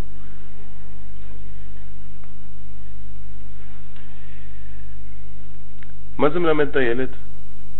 תראה, אם זרקת את התיק, או בעטת בדלת, או אתה שופך את המרק, אתה בעצם לא אשם. יש איזו בעיה שאנחנו צריכים לפתור אותה. אז תמיד, כל מה שאתה צריך לעשות מעכשיו והלאה, כשאתה רוצה להתנהג באיזושהי צורה, לאמץ לך בעיה מתאימה. אם תאמץ את התסביך המתאים, יהיה מותר לעשות מה שאתה רוצה. זה מאוד מאוד משונה, זה מאוד מאוד מוזר וזה מאוד מאוד נפוץ. מה הקשר ביניהם? את רוצה לנתח, את רוצה לעשות סטאז' בפסיכולוגיה, את רוצה לגלות כמה אין מה לגלות בתחום הזה, בסדר. אחרי שהוא נרגע והתנהג כראוי, ואת יושבת לשחק איתו, לדובב אותו, לדבר איתו, תשוחחי איתו על uh, עומק תסביכיו. תתאכזבי עד מהרה לדעת שאין שם כל כך הרבה. הוא לא קרא את כל מה שאת קראת, והוא לא יודע את כל... הוא לא היפוכונדר בינתיים. אלא אם כן את אה, תמיד דובבת אותו, אז הוא גילה שיש בו מעמקים. באופן נורמלי אין יודעים כל כך הרבה תסביכים. באמת שלא. סיפר לי אבי שליטה, תמיד כשהוא היה מורה בבית ספר, תלמיד אחד אה, השתולל באופן קיצוני מאוד באחד הימים, והמורה קרא לו בשביל להטיל עליו עונש, אז הוא אמר, לפני שהמורה העניש אותי, שהמורה ידע שאני, יש לי תסביכים. הילד שהיה בטיפול, היה בטיפול, אז הוא יודע שיש לו תסביכים, אז מה אתה, מה אתה מעניש אותי? תעניש את התסביכים, מה אתה רוצה ממני? אז הבעיה היא כזו, עוד פעם, הנוסח הזה מלמד את הילד שמותר לו להיות, אם, לו, אם הוא מאמץ תסביך מסוים, הוא תמיד צריך לאמץ פשוט תסביך ביחס לזה. ואני מכיר ילדים שזה כל מה שצריכים לעשות.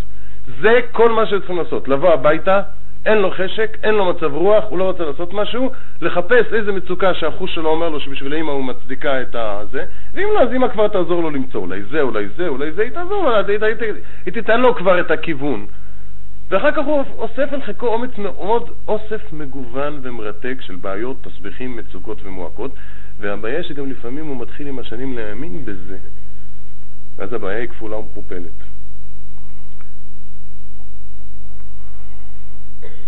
בעיקר, כל פעם שאנחנו שואלים את הילד מה מעיק עליך, אנחנו משדרים לו שאנחנו לא מצפים שישנה את ההתנהגות.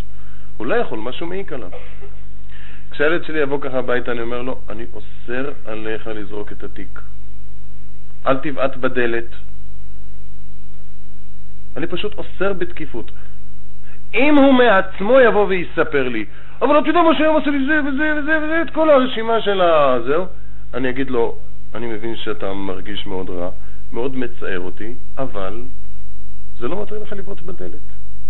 דרך אגב, זה גם לא פותר שום בעיה. אבל לא, לא מקובל עליי. ואני אאסור עליו, ואני מסוג... אני כל כך רע, אבל אל תקחו ממני דוגמה, אני כל כך רע שאני מסוגל אם הוא מתנהג מאוד גרוע, באופן קיצוני, פעם אפילו להעניש אותו, למרות שהוא עבר איזושהי מצוקה, על ההתנהגות. ולאחר מכן לשוחח איתו, לדובב אותו, להרגיע אותו, אם צריך, או באמת איך להתמודד עם זה. לא בשעת ההתנהגות הגרועה. שוב, גם אם זה נכון, וזה נכון, שהתנהגות אלימה, לפחות באופן פתאומי, התנהגות מופרעת באופן לא צפוי. כל זה זה תוצאה של מועקות, של מצוקות, של סבל, זה נכון. לא מה שנהיה נור, נורמה, מה שיוצא מהנורמה. בשום פנים ואופן אסור לזה להפוך, אסור שזה יהיה לגיטימציה להתנהגות לא טובה. צריך לעצור את ההתנהגות ולדבר הילד. יש מצבים שתראו שאי אפשר לעצור אותו, זה נהפך להיסטריה, אז הבעיה היא באמת רצינית, ואז באמת צריך עזרה מקצועית. אבל זה בדרך כלל נובע מזה שעד היום לא התנהגו בצורה שאני מציג, מציג כאן. באופן נורמלי, מי שלא נולד עם בעיות יוצאות דופן או משהו תורשתי, זה לא צריך לקרות. זה בשום פנים ואופן לא צריך לקרות. כן, כן.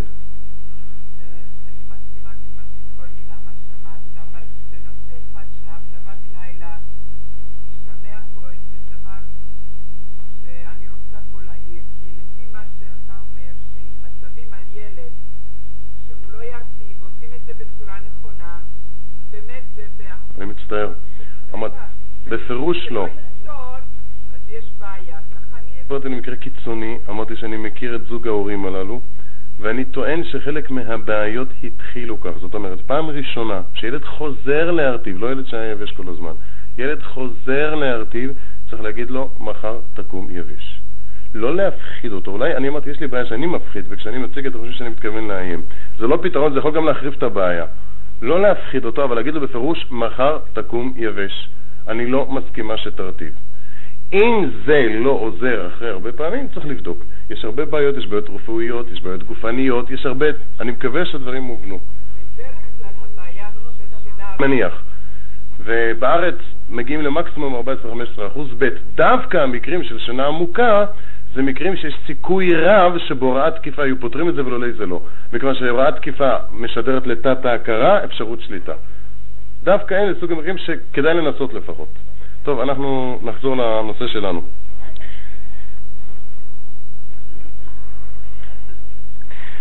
בעיה יותר חמורה היא כשאנחנו אין לנו כוח כל פעם לנתח מחדש ולחשוב מחדש על הרקע הפסיכולוגי של הילד, אנחנו מדביקים לו תוויות.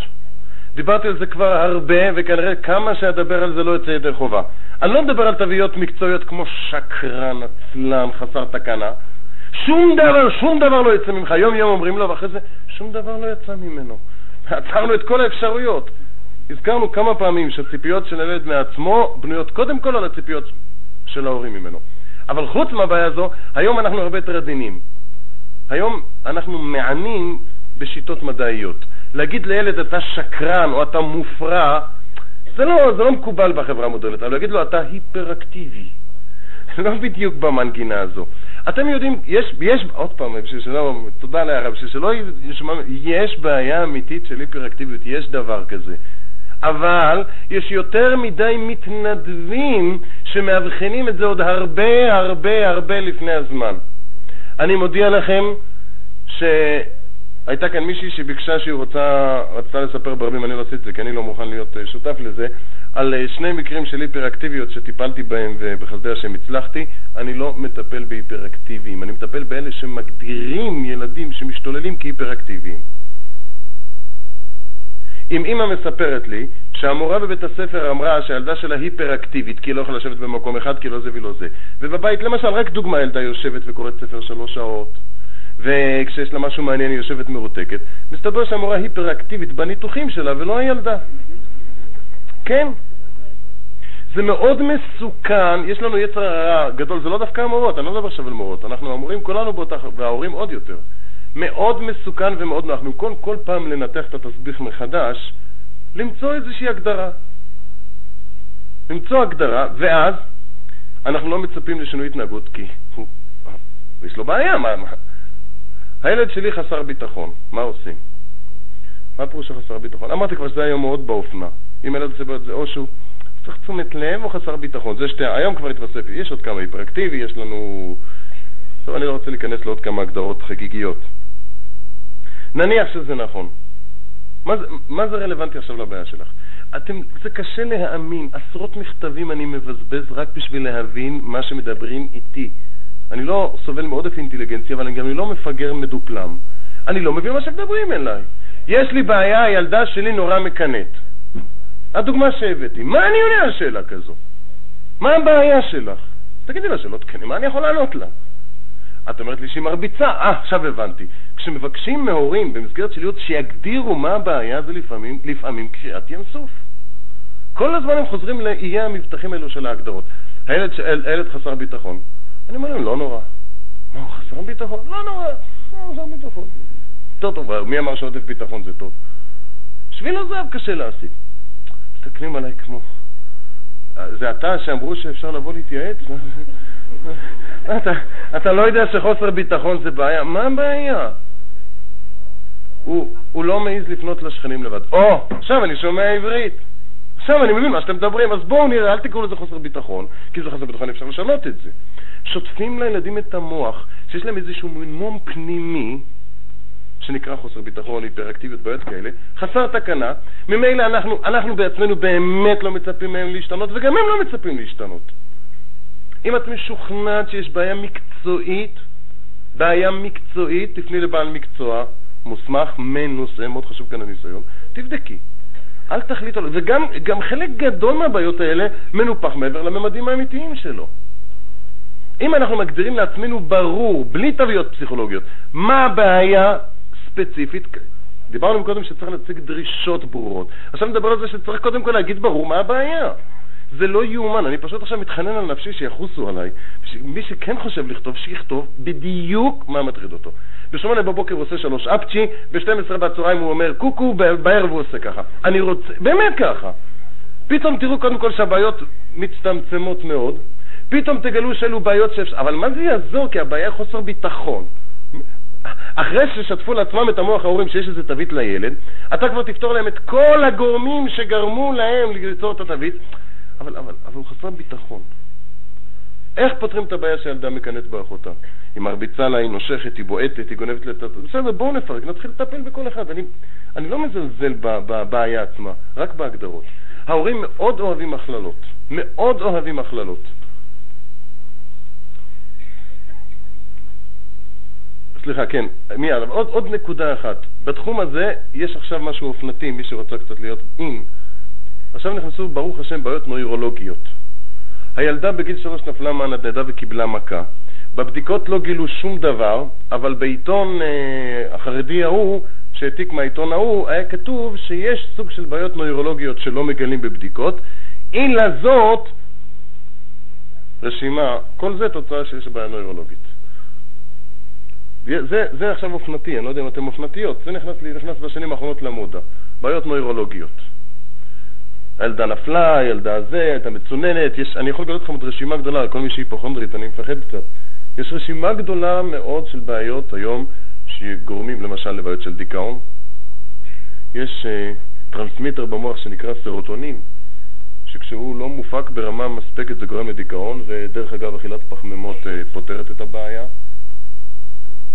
ויש הרבה הורים שמגלים שהילדה סבלה מתת תזונה בפחמימות, פשוט, אני יכול גם, אני חושב שאם אני ארצה להתחיל למכור קמעות בציבור, אני אוכל להפגין את זה שיש לי רוח הקודש בזה שאני יכול לצפות אל חודש, חודשיים קדימה, מה סוג הבעיות החדשות, לפי אותם נושאים שבמקרה נכנסו בעיתונים החרדיים של סוג הגילויים. לפי זה אתם תצאו את הבעיות. מה התועלת, בשביל מה, זה, אני עושה מזה צחוק, תאמינו לי שזה ממש מצער. אני, מגיעים אליי מקרים שכבר נוצרו בעיות וסיבוכים מורכבים בגלל שטיפות מוח. שטיפות מוח שאתה חסר ביטחון, שטיפות מוח שאתה זה, שטיפות מוח שאתה זה. בואו נפסיק להגדיר.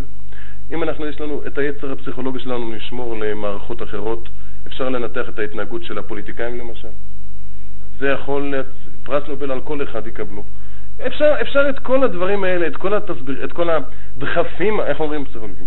את כל הדחפים הללו לפרוק לאפיקים, ליצור סובלימציה של הדחף הזה. אבל לא, לא, לא על הילדים. ההורה הפסיכולוג הוא אחד ההורים, אני לא מתכוון על פסיכולוג מקצועי, שאני לא אובן, אני מתכוון על ההורה הפסיכולוג המתנדב, הוא אחד, הוא אחד המזיקים הגדולים בחינוך. אני אגמור את זה ואז נשמע את השאלה. עוד סוג של ניתוח פסיכולוגי אה, מאוד אה, אופייני לחוגים שלנו החרדיים, הוא בדיוק כמו אבא שלו. או, זה תלוי במערכת היחסים בין ההורים, או הוא בדיוק כמוני. אין שום הוכחה מחקרית שהתנהגות עוברת בתור רשע. שום הוכחה מחקרית. סביר מאוד להניח שתכונות מסוימות, מסוימות עוברות בתורשה. כמה התורשה, כמה הסביבה, זה נתון לתיאוריות, זה השערות, זה ניחושים. צר לי לאכזב אתכם, הכתר המדעי לא יענד לראשכם, זה לא מדעי. עכשיו, גם זה לא ברור, מה השפעת התכונה, מה, מה השפעת הסביבה, מה השפעת התורשה, זה דיונים רבים מאוד, נשפך הרבה דיו על הדברים האלה ולא לא ייגמר לשפך, אבל אין לזה שום קשר להתנהגות של הילדים היום. מה פירוש אין לזה שום קשר? אני לא יכול להגיד שברור שתכונה מסוימת, נגיד ככה, כל תכונה מאפשרת אה, כל מיני צורות של ביטוי. צורות הביטוי, ההתנהגות זה תלוי בחינוך, תלוי בבית, תלוי במה תסכימי. ברגע שאת מחליטה שהוא בדיוק כמו אבא שלו, או כמוך, אז את בעצם לעצמך משדרת, אה, אי אפשר לצפות ממנו שזה, הוא לא אשם, הוא נולד ככה, הוא קיבל את זה בתור רשע, וגם משדרים לו את זה. ואחר כך הוא באמת נשאר כזה, ואחרי זה שרואים את זה אצל הנכד, אומרים, אה, איך ידעתי? יש עוד סיבה, יכול להיות גם שאת אותן שגיאות שההורים שלך עשו לך את מעבירה הלאה. אולי גם ההורים שלך אמרו שאת בדיוק כמו ה... אז אולי אפשר לעצור פעם את השרשרת הזהב הזו. הבעיה הזו של תור רשע, שוב, והתוויות, כל הפסיכולוגיה הזו גורמת לנו, לנו, כהורים, לא לצפות מהילדים לשנות את ההתנהגות, אנחנו משדרים באופן ברור וקבוע ובולט לילדים, כאלה אתם, כאלה נולדתם, ורחמנא ליצלן גם כאלה תישארו. מה הייתה השאלה? כן. אה, שלא הובן, למרות ש... אני עונה על... אני קודם עונה על שאלה שלא שאלת, כיוון שתוך כדי זה חשבתי שאת רוצה לשאול משהו אחר, ואני מפחד שמישהי אחרת תטעה בי. אני לא אמרתי שלא צריך לטפל בעולם הרגש של הילד, חייבים לטפל ואפשר לטפל באופן מעולה. אפשר לחנך ילד איך להיות שמח בחלקו, איך לא להיות uh, מרוגז, יש. מה שאמרתי זה לא לתת לו הוראות, א', זה לא השאלה שלך, כן? אבל זה יהיה ברור. אמרתי לא לתת לו הוראות איך להרגיש, יש דרכים לטפל בזה, לא הוראות, זה לא יעזור. ב', לגבי השאלה הזו, כשאני אומר לילד, תחייך, תחייך, רגע, כשאני אומר לילד תחייך, אל תבכה, זו דרישה מעשית. טענה שנאמרה כאן לא סותר את מה שאמרתי. כשאני אומר לילד תחייך עכשיו, כי אני לא רוצה פרצוף חמוץ, יש לי מלפפון מספיק, אז בהחלט נתתי לו הוראה מעשית. לא, לא אמרתי לו מה ירגיש בפנים, אני אומר לו בפירוש, מצידי אתה יכול להמשיך להיות, לקונן על חורבן הבית עכשיו, בפנים, אבל אני רוצה את צער הלב ולא צער הפנים. חכם צלתו. אני יכול לדרוש ממנו, אם אני רואה לנכון, אם אני רואה לנכון, או אני מאמין שאדם נפעל כפי פעולותיו, אני יכול, אבל לא דרשתי ממנו איך להרגיש, דרשתי ממנו מה להתנהג, זה אני יכול. אני כבר uh, מסיים.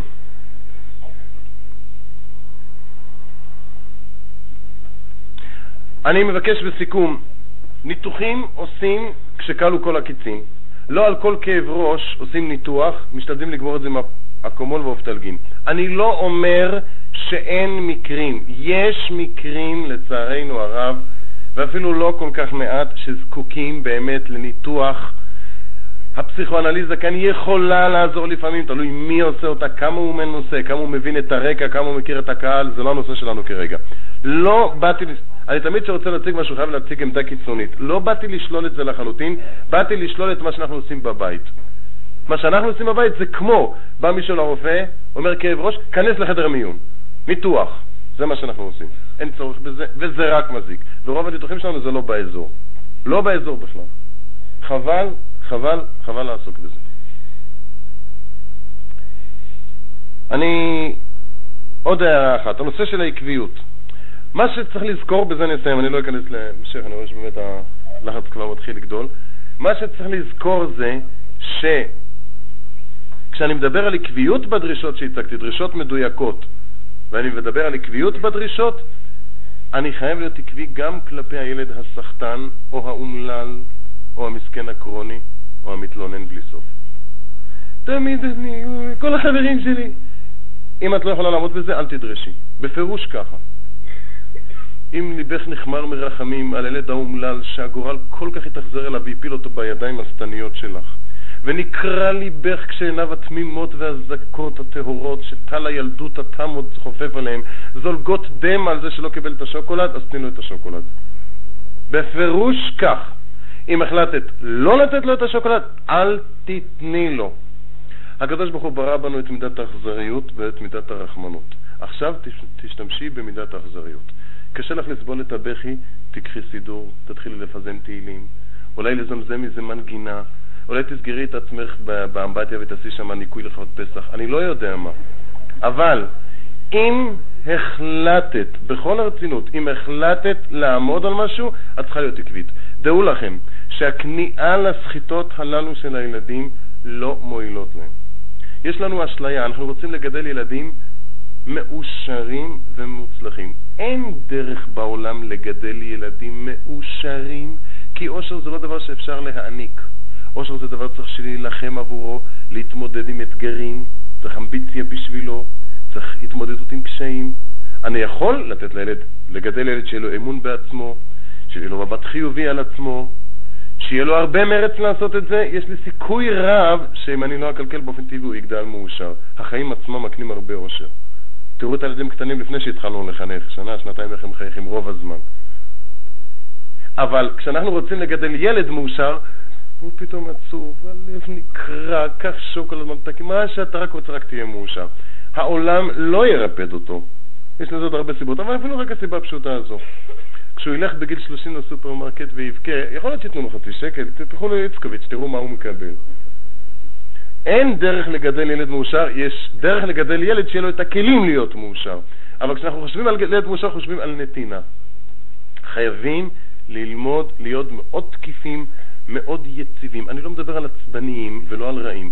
תקיפים ויציבים, ואפשר לעשות את זה בשלווה. אפשר לעשות את זה בשלווה. לא שלווה שטנית, שלווה אמיתית. אני כבר אמרתי את זה אלף פעם, הילד שלי יחוזר, נניח שהוא חוזר מהלימודים, ואני יודע שעבר עליו יום קשה, אני יודע שעבר עליו יום קשה, במקרה. הוא בא הביתה, אני יודע, רוצה, אני אצלי בבית, יש, יש סוג שפה שאני לא מבין, ויש סוג uh, טונים או אוקטבות שאני בכלל לא שומע. לא שומע, יש לי בעיה, אני אומר להם, יש לי בעיה שמיעה. מי רמת דיבור כזו, אה, אני בכלל לא שומע, לא, אני מסתכל עליהם מחייך, מה נשמע, איך היה בחטא, אה, מה נשמע, איך היה, אמרת משהו, לא, לא, אני פשוט לא קולט, זהו, לא נכנס בכלל ללחץ. וכשהוא בוכה, אני יכול, הוא יבוא, אני מחבק אותו, אני מנשק אותו, אני מלטף אותו, אני. הוא רוצה את השוקולד, אני מחייך ואומר לו לא. אני לא אומר לו לא, אני לא מתכוון לחיוך שטני. אני מחייך בנעימות, בחביבות, ואומר לו לא יקבל. אין סתירה בין הדברים, לא רק שאין סתירה בין הדברים, יש כאן השלמה. דווקא ההורים שלא מעניקים חום ולא מעניקים, אבל דיברנו על זה בפתחת הרצון, דווקא הם המפנקים, דווקא אלה הם שיש להם נקיפות מצפון על זה שהם מגדלים ילדים אומללים, ואז הם ממלאים אותם בממתקים ובוויתורים, נכנעים לכל השגיונות, נמנעים מלהציג בפניו אתגרים, ומדרדרים אותם. הסיכום של הדברים הוא ככה. דיברנו על להגדיר במדויק מה אנחנו רוצים, דיברנו על הגדרות ריאליות, זה תלוי אחד בשני. כשנגדיר במדויק, סביר להניח שאם יש לנו קצת קצת היגיון בריא, אנחנו נראה מה הילדים מסוגלים לעשות ומה לא. דרישות, לא בקשות, תחנונים, הסברים, הרצאות, דרישות חד משמעיות, בלי איומים ובלי שוחד, בעקביות. אם הצלחתי בערב זה להציג בפניכם דרישה ברורה וחד משמעית, עשיתי את שלי. תודה ולילה טוב.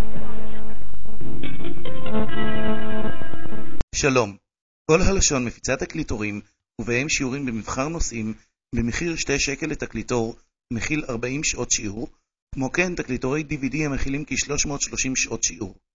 ניתן להזמין תקליטורים או תקליטורי DVD במשרדי כל הלשון 02-581-6622 או בכתובת דואר אלקטרוני cd שטרודל kolhl.com אם ברצונכם לפתוח תחנה להטענת נגנים או להפצת תקליטורים, תוכלו ליצור קשר עם משרדי כל הלשון. ניתן לקבל בדואר אלקטרוני או בפקס את רשימת השיעורים הקיימת בכל הלשון. לקבלה בפקס, הקישו 03-617-1111, הקישו 0 עם הכניסה למערכת, ולאחר מכן 5 ופעלו לפי ההוראות. לקבלה בדואר אלקטרוני, שלחו הודעה ל-l שטרודל kolhl.com שיעורי כל הלשון נמסרים על ידי הרבנים במאמץ וביגיעה. אם ברצונכם לסייע לרבנים מגידי השיעורים או למוסדות התורה בהם הם מלמדים, תוכלו להעביר כסף ישירות לרבנים על פי בחירתכם. הוצאות אלו מוכרות לצורכי מס כהוצאות, וכן כתרומה מוכרת בכל העולם. תוכלו להתקשר למשרדי כל הלשון 02 581 6622 או להשאיר הודעה בכתובת המייל d שטרודל kolhl.com. תודה וכל טוב.